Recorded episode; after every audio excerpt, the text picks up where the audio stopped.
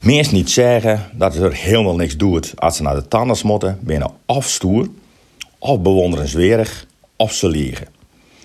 Er zijn almost niet voor niks speciale praktijken voor mensen die benauwd binnen voor de tandarts. Wacht, dat moet ik even nuanceren. Niet persoonlijk voor de tandarts als persoon zelfs, maar wat de tandarts financieel en daar misschien zeer doen gaat.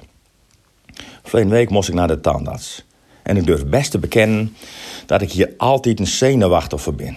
Alleen het woord al, zenuwachtig. Kijk, dat woord werkt ook al niet met. Maar je moet de hasjes gebruiken en dat de discipline hebben om twee keer in het jaar voor controle te gaan. Dat doe ik ook. Maar ik heb nog gauw eens wat. Dus soks werkt ook niet echt met voor een goede gemoedstoestand.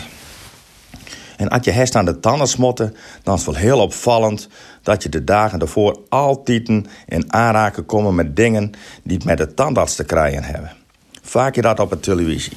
Binnen van die onverklaarbare dingen. Hierdoor word je er niet aan herinnerd dat je naar de tandarts moet. En verleden week was het helemaal te bond.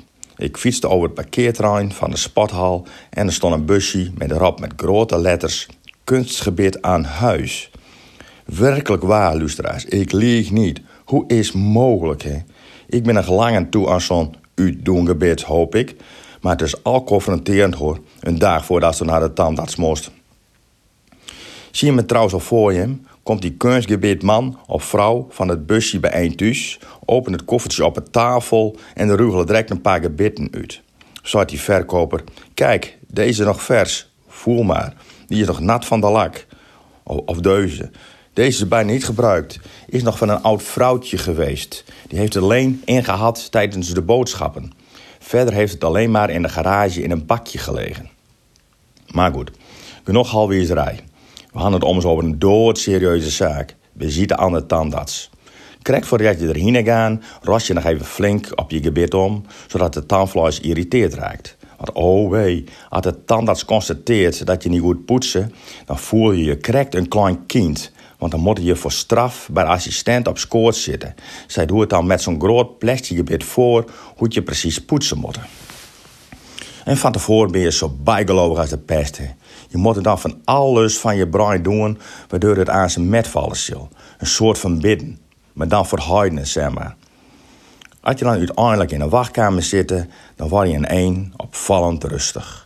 Komt vast omdat die akelige zoemer jaren geleden al bij die andere niet meer brukte mattelwerktuigen zet is. Maar de kolom wordt nou wat te lang. Veel langer als ik zelfs op de stoel uit heb, verklap ik hem alvast. Ik had namelijk niks, zoals het dan niet. Ik ben dan ook zo blij als een kind en wou de praktijk wel uithuppelen.